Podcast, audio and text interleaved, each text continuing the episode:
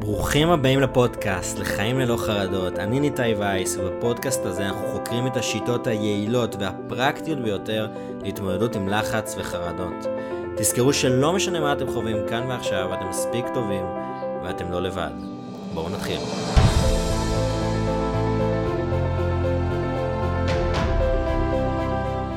ברוכים הבאים לפרק 33 של הפודקאסט חופש מחרדות. היום אנחנו הולכים לדבר על שאלות ותשובות לגבי חרדת בריאות. אם יש לכם הרבה שאלות שמטרידות אתכם, אנחנו הולכים לענות על השאלות הכי נפוצות לגבי חרדת בריאות. כמובן שבהמשך אתם יכולים לשאול אותי, או באינסטגרם, או בוואטסאפ, או באתר שלי, שאלות שאני אענה עליהן בפרקים הבאים, אבל היום אנחנו נענה על השאלות הכי נפוצות שאני מקבל כל הזמן לגבי חרדת בריאות, אז בואו נתחיל. אז קודם כל בואו נשים את הדברים על השולחן. חרדת בריאות, או במילים אחרות היפוכונדריה, זה בעצם הפרעת חרדה שאנחנו מפחדים באופן די אובססיבי לאיך שאנחנו מרגישים, לבריאות שלנו. אז תסמינים מסוימים שאנחנו, תסמין מסוים בגוף כמו קושי בנשימה, מועקה בחזה או כובד בחזה, איזושהי בלוטת לימפה או משהו קצת נפוח, או כאב ראש ישר, מה אם זה סרטן, או אם כואב לנו החזה, אולי זה התקף לב, או דפיקות לב, האם זה התקף לב, או שהכליות שלנו, שיש לנו בעיה, שאנחנו הולכים לשירותים כל כמה דקות, אולי יש לי בעיה בכליות. יש המון המון דברים שאנחנו מרגישים לגבי חרדת בריאות, אבל באופן כללי זה המודעות יתר הזה, לאיך שאנחנו מרגישים, הפחד הזה מללכת לרופאים, או שאנחנו כל הזמן הולכים לרופאים, אנחנו תלויים המון המון המון בחוסר ודאות, מרגישים חוסר ודאות, אנחנו שואלים כל הזמן אנשים, בודקים בגוגל כל דבר, אנחנו כל הזמן מתעסקים בבריאות שלנו. זה היפוכונדריה. החשש הזה כל הזמן מלחוות איזושהי מחלה. ויש לזה המון גורמים, ואנחנו נדבר על זה עוד מעט. אבל משהו שמאוד מאוד חשוב שתבינו, חרדת בריאות זה משהו שהוא די נפוץ. הרבה אנשים אומרים שבין 12 ל-24% מהאוכלוסייה חווה סוג מסוים של חרדת בריאות, שזה המון. אז אתם לא לבד במה שאתם חווים. זה מרגיש לבד, זה מרגיש קשה, אבל אתם לא לבד. אז בואו נתחיל בשאלות. אז השאלה הראשונה שאני אענה עליה, אני מפחד שאני פוגע במוח עם, בגלל החרדות. האם בגלל החרדות והסטרס שאני חווה, האם המוח שלי נפגע? אז כשלי הייתה את ההפרעת חרדה כללית, אני זוכר שעבדתי בתחום האבטחת מידע, ואני זוכר שהלכתי למרפסת, ואפילו דיברתי בטלפון עם הפסיכיאטר, ש... שהיה... שדיברתי איתו באותה תקופה, ושאלתי אותו את השאלה הזאת. כי מאוד פחדתי, אמרתי, מה עם כל, הדבר, כל הלחץ והתקפי חרדה שאני חווה, אולי באמת אני פוגע במוח. אז שימו לב לזה שפשוט המוח מנסה למצוא היגיון במה שאנחנו חווים, ובעצם נותן הרבה דברים כדי לגרום, מה המטרה של המוח? אחת המטרות הגבוה, הגדולות ביותר, לא המטרה החשובה ביותר.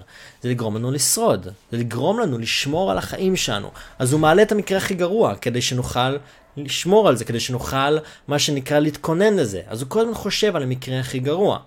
אז הרבה פעמים כשאנחנו חווים לחץ או חרדה, פתאום אנחנו מפחדים מלחוות לחץ או חרדה. אנחנו מתחילים לפחד שאולי זה גורם נזק למוח. אז לא. לא. סטרס בסופו של דבר זה לא בריא לנו, אבל לא בגלל החרדה המוח שלכם פתאום מתדפק, או הגוף שלכם פתאום מתדפק. חשוב שנלמד לעבוד על עצמנו, שנלמד להרגיע את עצמנו כדי שנוכל להרגיש טוב, כי סטרס זה דבר לא בריא. בסטרס אנחנו פחות יעילים, פחות פרודוקטיביים, והרבה פעמים המערכת החיסון שלנו יורדת, או מערכת הפעילות של מערכת החיסון שלנו יותר חלשה, כשאנחנו הרבה פעמים בסטרס או בחרדה. זה לא פוגע במוח. אתם לא הולכים לאבד איזה משהו. הרבה אנשים שמדברים איתי אומרים לי, פתאום אני, חס... אין לי, אני לא מתרכז טוב, אולי משהו נדפק במוח שלי, אולי תמיד זה יהיה ככה, עכשיו משהו פתאום נדפק לי במוח. לא. חרדה לא פתאום תדפוק לכם משהו במוח, ועכשיו תמיד יהיה לכם חרדה. לא. לא. זה כן לא בריא, סטרס זה דבר לא בריא, אבל אתם לא תמותו או יקרה לכם משהו בגלל הסטרס או החרדה. אתם צריכים לעזור לעצמכם כדי להרגיש טוב, כי זה גם בריא לגוף שלכם להיות במצב של הרפיה, בגלל זה מאוד חשוב נשימות, מיינדפולנס, כל הטכניקות של אסטרטגיות חשיבה, יש המון דברים שאני מדבר עליהם, שאני מסביר לאנשים בתהליכים שלי או ברשתות החברתיות. אבל בשלב הראשון מאוד חשוב שתבינו, לא, זה לא פתאום ידפוק לכם את המוח ומשהו ישתנה ופתאום אתם תהיו ככה, תמיד עם לחץ או חרדה. עכשיו, בגלל שאתם רגילים לזה, זה לא אומר שהמוח שלכם נדפק. יש לכם משהו במוח, מגנון של המוח, מבנה של המוח, שנקרא ניורופלסטיסיטי, הדינמיות של המוח. המוח משנה את המבנה שלו לפי מה שאנחנו מלמדים אותו, מראים לו. אז אם אתם כל הזמן לחץ או חרדה, אז המוח מכיר מאוד טוב, הקשרים העצביים במוח מאוד חזקים לגבי לחץ, חרדה, פחד, האמיגדלה, האזור הזה במוח שאחראי למנגנון הלחץ, פעיל מאוד. אבל אפשר לאמן את זה, אפשר לשנות את הפוקוס, אפשר ללמד את המוח דברים אחרים, לשנות את המבנה שלו ולשנות את הקשרים העצביים במוח, שנהיה רגועים יותר ומאוזנים יותר. לא, זה לא דופק לכם את המוח, אבל סטרס דבר לא בריא וצריך לעזור לעצמנו. אז זו השאלה הראשונה. שאלה שנייה שאני מקבל המון, האם זה ייעלם? האם חרדה זה לנצח? אז לא, חרדה זה לא לנצח. חרדה הרבה פעמים אנחנו מסתכלים על זה בתקופות, אוקיי? נגיד עכשיו שאנשים אומרים לי, אני חווה את זה 13 שנה. אתם לא חווים 13 שנה כל יום אותו דבר. זה משתנה, אני חוויתי 4 שנים של הפרעת חרדה קלית, עם 4-5 התקפי חרדה ביום, אבל זה היה בתקופות, היו תקופות שהייתי יותר רגוע, היו תקופות שהייתי... עדיין הייתי חווה לחץ, כן? אבל הייתי תקופות, זה, זה היה מאוד משתנה אצלי בתקופות, זה לא קבוע עכשיו. אבל לא נולדתם, לא נולדתם עם התקף חרדה. לא נולדתם בהתקף חרדה. יש איזשהו מנגנון גנטי לעניין הזה של סטרס, או העניין הזה של רגישות, אנשים רגישים שהם, כל דבר מטריד אותם. אממה, גם את זה אפשר לשנות בעזרת תרגול וחזרתיות, כי המוח שלנו לומד על ידי חזרתיות. כל דבר שאנחנו רוצים ללמד את המוח, ואני מדבר על זה המון, דוקטור ברוס ליפטון, אחד מהמדעני התא הגדולים בעולם, והמוכרים בעולם, מדעני הביולוגיה והתא, מדברים על זה. כתב את הספר הביולוגיה של אמונה מדבר על זה שעד גיל 7 אנחנו לומדים דברים מהסביבה, המשפחה. אחרי גיל 7 לומדים אחרי חזרתיות. התת מודע שלנו לומד על ידי חזרתיות. כל דבר אפשר ללמד את המוח בעזרת חזרתיות. אז לא, זה לא יישאר לנצח. היום אין לי התקפי חרדה, והשנה התמודדתי עם משהו בריאותי. היום אין לי התקפי חרדה. היום אני הרבה יותר בטוח, מאושר, רגוע, מאוזן, כנה, ומה לא, בטוח בעצמי פי כמה וכמה מלפני שהיו לי את החרדות בכלל. זאת אומרת, היו לפני החרדות, והחרדות, ועכשיו, שתמיד שאנחנו אומרים לעצמנו, איך בא לי לחזור אחורה, לפני התקופה של החרדות, אני הרבה יותר חזק ומאושר מלפני החרדות. אז זה לא יישאר נצח אם תעבדו על עצמכם, אם תעשו משהו, אם תשנו. איינשטיין אמר שאם אנחנו עושים אותה פעולה, אנחנו, אנחנו מצפים שתוצאה תשתנה, אז אנחנו טיפשים. התוצאה לא תשתנה, אנחנו צריכים לשנות.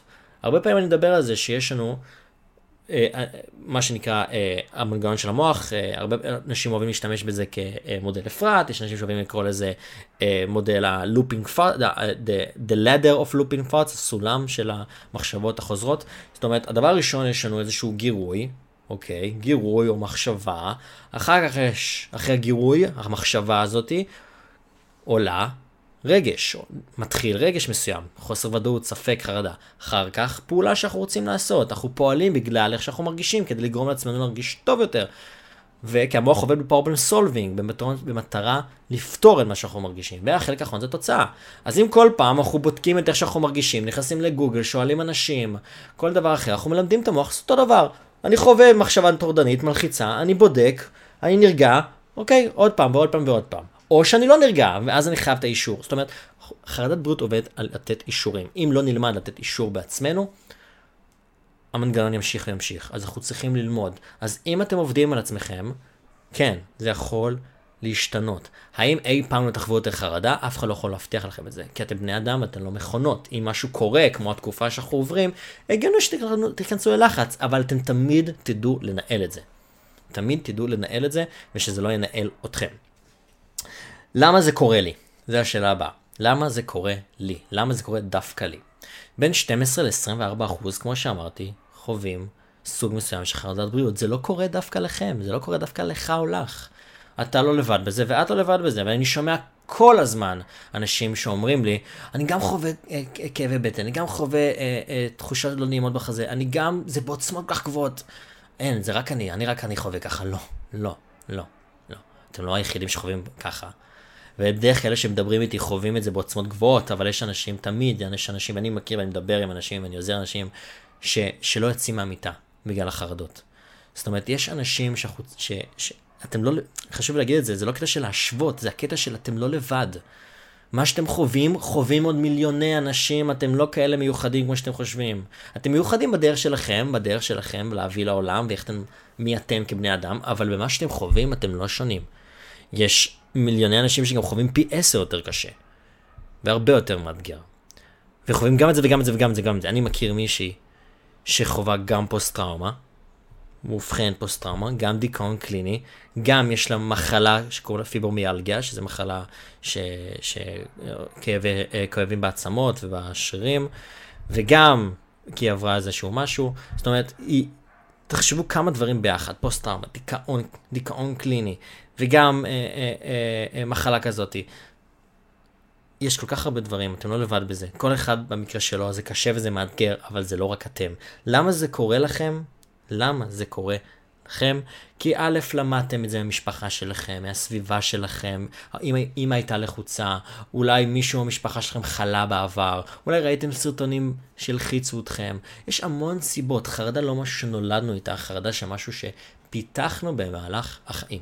חרדה זה משהו שפיתחנו במהלך החיים, שלמדנו כל מיני הרגלי חשיבה והתנהגות שגרמו לנו להרגיש חרדה. חרדה נגרמת בגלל מחשבה מסוימת שלטה לנו בראש, תמונה או מחשבה שלטה לנו בראש, לפעמים אנחנו ישנים זה בלילה וחלום מסוים, לפעמים זה פשוט סוג של נבנה עם התקופה, אבל תמיד זה בא בגלל מחשבה או תמונה. אתם, לפעמים, יש, לפעמים אנחנו פה באמת מרגישים לא טוב, ואז זה מחזק את זה, וזה לופ, אבל, אבל אתם לא לבד בזה. אתם באמת באמת לא לבד בזה, והרבה אנשים חווים את זה. וחשוב להבין את זה, אבל כן, עוד פעם, זה חוזר לעניין הזה. אנחנו צריכים, כשאנחנו מדברים על חרדת בריאות, אנחנו צריכים להבין למה זה קורה. מה למדתם? שזה הבסיס, שזה המקור, הבנה זה, זה, זה עוצמה. understanding is power. חשוב להבין, למה אתם כמו שאתם? למה אתם מפחדים כל כך מחרדת בריאות? זה אחד. שתיים, אנחנו צריכים לדעת איך אתם פועלים היום, איך אתם חושבים, איך אתם פועלים, למה אתם חווים את החרדות ואיך אתם מעצימים את זה בעזרת בדיקות מסוימות או טקסים. אוקיי? מה שאתם עושים, רוצים להבין את המבנה הזה. למה זה קורה? אחר כך אנחנו רוצים לשנות את המבנה הזה, לעשות הרגלים חדשים, לשנות הרגלים, אוקיי? יש הרבה דברים, עבודת עומק שזה הבסיס, אנחנו צריכים להבין איך אתם עושים, מה אתם מרגישים עכשיו, אנחנו צריכים לשנות את זה. יש הרבה דברים שצריך לעשות, אבל יש מה לעשות. אתם לא לבד בזה, אוקיי? שאלה הבאה, האם אני היחידי? אוקיי? אה, עניתי על זה בעצם בקודם. אוקיי, האם אני היחידי? שזה אותו דבר. אני היחידי, למה זה קורה דווקא לי? אז כמו שזה אותו דבר שהשאלה. לא, אתם לא לבד בזה. זה לא דווקא, זה לא דווקא אתם. וכמו שאמרתי, זה הרבה פעמים בא מדברים שלמדנו מהסביבה או במשפחה. אה, אני מפחד ש... אה, לא, רגע, איך לדעת מתי זה אמיתי ומתי זה לא. וזו גם שאלה שנקבל המון לגבי חרדת בריאות. אז כשאנחנו מדברים על חרדת בריאות, יש את הצד הזה שאנשים ממש מפחדים מללכת לרופא, ממש נמנעים מללכת לתורים של רופא, ויש אנשים שהולכים כל הזמן לרופאים בצורה אובססיבית. אז כשאנחנו מדברים על זה, כשאנחנו מדברים על העניין הזה של לדעת מתי זה אמיתי ומתי זה לא, אז שימו לב, כשאנחנו כל כך מפחדים ממשהו בצורה אובססיבית, לרוב זה גם לא קשור, זה, לרוב זה לא באמת המחלה שאנחנו מפחדים ממנה. אני אסביר את זה יותר לעומק. למוח יש יכולת מדהימה להראות לנו, כמעט, להראות לנו את התסמינים של כמעט כל המחלות בעולם. כשאני הייתי, ואני אדבר על זה המון, אבל אני אזכיר את זה עוד פעם, למי שפעם ראשונה שומע את הפודקאסט, אני בעבר הייתי בצבא, כשהייתי בצבא, הייתי בשבוע שמירות, היה שם בחור שהיה מתנדב. והוא סיפר לי למה הוא מתנדב, הוא סיפר לי שלא בעיה בכליות, ויש איזה תסמין שהוא רואה בשתן, שזה אחד מהתסמינים של המחלה שלו. ובגלל זה הוא מתנדב, שיש לו ממש בעיה בכליות ואי ספיקת כליות. מהרגע שהוא אמר לי את זה, אני כל דקה הייתי חייב ללכת לשירותים וראיתי את התסמין שהוא אמר לי. כל דקה. לא יכולתי לעשות את השמירות שלי. הגוף שלי הרגיש, לא כדי רק לבדוק, הגוף שלי שרף לי. שרף לי, הייתי חייב ללכת לשירותים כל דקה. ברגע שהלכתי לרופא, שהוא אמר לי שהכל בסדר, כל התסמינים נעלמו. אז המוח יכול להראות לכם את כל התסמינים של המחלות, כמו המחלה שהוא אמר לי. זה לא אומר שיש לי את זה, זה אומר שהוא פשוט נתן, זה פשוט, אני למדתי ממנו שזה המחלה, והגוף שלי חיפש את זה, ואם הוא מחפש את זה, אם המוח מחפש, כי שמעתם בטח על המשפט, מה שאנחנו מתרכזים בו גדל. אז מה שאנחנו מתרכזים בו, המוח מראה. אוקיי? לכל מחשבה או לכל תמונה שיש לכם בראש, יש תגובה פיזית בגוף. אז אם אתם מרגישים בצורה מסוימת, הרבה פעמים כל החשיבה טורדנית אובססיבית, מה זה אומר, ואם זה ככה, ואם זה סרטן, ואם זה זה, לרוב זה חרדה. לרוב זה לא קשור למציאות בכלל, אוקיי? אנחנו צריכים ללמוד לתת אישור, לא כל כאב ראש זה סרטן. שכואב לנו הראש, ועולה לכם עכשיו בראש, מה אם זה הפעם זה סרטן? אנחנו צריכים לדעת לתת אישור ולהגיד, אוקיי, זה יעבור, לפני כמה דקות זה לא היה לי. הרבה פעמים כשאנחנו חווים אה, חרדת בריאות, אנחנו יכולים להסתכל על זה מתי זה קבוע, מתי זה לא. כי הרבה פעמים אנשים אומרים לי, מה אם יש לי סכיזופרניה? מה אם יש לי דיכאון קליני? אוקיי, סבבה, תגיד, אתמול, שלא, שהיית לחוץ, שלא היית לחוץ, הרגשת את הדברים שאתה אומר עכשיו? הוא אומר לי, לא, הייתי רגוע, כאילו. לא, לא הרגשתי טוב, זרם לי היום, הרגשתי טוב. אז זה לא. אין משהו ש... שאנחנו מדברים על דיכאון קליני, זה לא פתאום, אה, לא בא לי, אז אין לי. זה לא עובד ככה. אותו דבר סרטן, אותו דבר, כאילו, גם התקף לב, עכשיו יש לי דפיקות לב, זה אומר שזה התקף לב? לא. אנחנו צריכים לדעת, לבוא ולהגיד, אוקיי, זה דפיקות לב, אני בחדר כושר, יש לי בחור שהולך לחדר כושר ויש לו דפיקות לב. אמרתי, אוקיי, אבל אתה בחדר כושר, אתה מאמץ את עצמך, הגיוני שיש לך דפיקות לב חזקות. תמיד אנחנו יכולים ללכת לרופא. אני תמיד ממליץ גם, אם משהו חוזר, אם משהו חוזר וממשיך תקופה, לכו לרופא. אבל הרבה פעמים זה לא שם, אנחנו יכולים לתת את העובדות והאישורים בעצמנו, אוקיי? וחוסר ודאות זה מה שאנחנו צריכים ללמוד לחיות איתו, כי אנחנו לא יכולים להימנע. אבל אם עכשיו אני חווה כאב ראש, אני אומר לעצמי, אוקיי, זה יעבור. עוד מעט, זה יעבור. אם אני רואה שזה לא עובר אחרי כמה ימים, אני אגיד לעצמי, אולי אני חולה. אבל אם זה ממש כואב לי, ממש סובל מזה, אז אני אלך לרופא, כי חשוב ללכת גם לרופא. אבל אנחנו כן צריכים לדעת גם לתת את האישור, לתת את העובדה הזאת, שזה כנראה סתם, אוקיי? זה סתם תסמין, זה סתם תחושה. הרבה פעמים כשאנחנו מתעסקים בחרדת בריאות, אז אני אומר לאנשים שאיתי, אוקיי, יש את הדפיקות לב, יש את הדפיקות לב, אבל בוא נסתכל על התסמין. כי יש דפיקות לב שזה קטן כזה, בוא נגיד את זה, אני אתן את זה כדוגמה. נדמיין כמו נקודה קטנה, שזה הדפיקות לב. עכשיו ניקח ממש עיגול ענקי שאנחנו מציירים ובלאגן, וזה הסיפור. אבל אם אנחנו מתמקדים בתחושה, זה בסך הכל דפיקות לב. אבל יש סיפור. אם עכשיו אנחנו מדברים על אסתמה, אוקיי? אנחנו אומרים, אוקיי, אסתמה. אני אומר, אוקיי, אני אשאל את הבן אדם, מה אתה מרגיש? אז הוא יגיד לי, כובד באזור החזה, קושי, אה, אני מרגיש אה, אה, את הקושי הזה בנשימה. ואז נגיד, אוקיי, אבל זה, זה המידע הסטטי. זה לא עכשיו כל הסיפור, מה אם זה זה, ומה אם זה זה, ומה אם זה עכשיו סרטן בריאות. אנחנו מסתכלים, סטטי, הרבה פעמים נסתכל פשוט סטטי על איך אנחנו מרגישים. נגיד, אוקיי, זה דפיקות לב, בוא נשים לב לזה. בלי להתנגד, זה בא מתחום הטיפול של אקט, acceptance and commitment therapy, אנחנו נראה את התחושה, ננשום לתוכה, נגיד, אוקיי, זה בסך הכל תחושה. כשזה מגיע לעניין הזה, אז האם אני יודעת אם זה אמיתי או לא, אנחנו צריכים לדעת, אנחנו לא, אף פעם אנחנו לא יכולים לדעת במיליון אחוז. אנחנו צריכים לדעת לחיות עם זה שזה כנראה לא, מחשבה מאוזנת, כי כל אדם בעולם חווה כאב ראש. ההבדל בין אדם שחווה כאב ראש לבין אדם שחווה כאב ראש עם הפרעת חרדה של בריאות, זה שהוא אומר אולי זה סרטן, כל פעם. אז לא, אנחנו צריכים לדעת להגיד, אוקיי, הכל בסדר. זה רק מחשבה, זה יעבור, אני יודע, אני יודעת, ולא להתעסק, לא לבדוק. זה כמובן דורש עבודה, אנחנו צריכים ללמוד לתת אישור בעצמנו. אבל אם אנחנו נדע לתת אישור בעצמנו בלי לבדוק את כל הדברים שאנחנו רוצים לבדוק, לשאול אנשים, אנחנו נרגיע את עצמנו. אוקיי? אז כמו שאמרתי, אם אנחנו רוצים לדעת אם זה אמיתי או לא, לשים לב, אוקיי? להגיד, אנחנו מרגישים את זה, אוקיי, להגיד, אוקיי, זה יעבור עוד מעט, אם אנחנו רואים שזה ממשיך, אם זה ממש כואב או משהו בסגנון, כמובן תלכו, אם זה ממש מטריד אתכם, תלכו. אבל אנחנו צריכים לדעת לתת את האישור בעצמנו, שסביר להניח שזה לא. מחשבה מאוזנת יותר, גמישה יותר, לא קשיח. יש בעולם של ה-CBT, Cognitive Behavior Therapy, יש את עשרת עיוותי החשיבה שאירון באק, אחד מההוגים של Cognitive Behavior Therapy, הוא מדבר על זה. שיש עשרת עיוותי חשיבה, שזה תבניות חשיבה של כל האנשים, של כל האנשים בעולם, במיוחד אנשים שחווים חרדות, שאנחנו מסתכלים, אז יש אחד שזה הכל או כלום. אוקיי, מה זה הכל או כלום? אם חוויתי עכשיו כאב ראש, סרטן! או שזה גם הכללת יתר. שנגיד הכללת יתר, יצאתם לדייט, אמרו לכם, אה, או, אמרו לכם לא, אז תמיד, תמיד לא, תמיד לא. אוק, תמיד לי זה קורה. תמיד לי, אני חולה. תמיד התסמינים האלה קורים לי. תמיד לי הכל קורה. זה הכל, זה, זה הכללת יתר. אז יש המון עשרת עיוותי חשיבה, אני מאוד ממליץ להיכנס לגוגל ולכתוב עשרת עיוותי חשיבה, אתם תראו את הרשימה ותקראו, יש חשיבה רגשית, שזה נגיד תחושה מסוימת בגוף, אומרים אוי לא, יש תחושה מסוימת בגוף, אז זה סרטן. ככה זה מרגיש סרטן. לא, לא. אנחנו צריכים לדעת לתת את האישור בעצמנו, שזה בסך הכל מחשבות או תחושות. אמרתי, אנחנו צריכים לדעת מאיפה זה מגיע, אנחנו צריכים לדעת איך אנחנו פועלים היום, אנחנו צריכים לשנות את ההרגלים האלה בעזרת לתת אישורים בעצמנו, ו...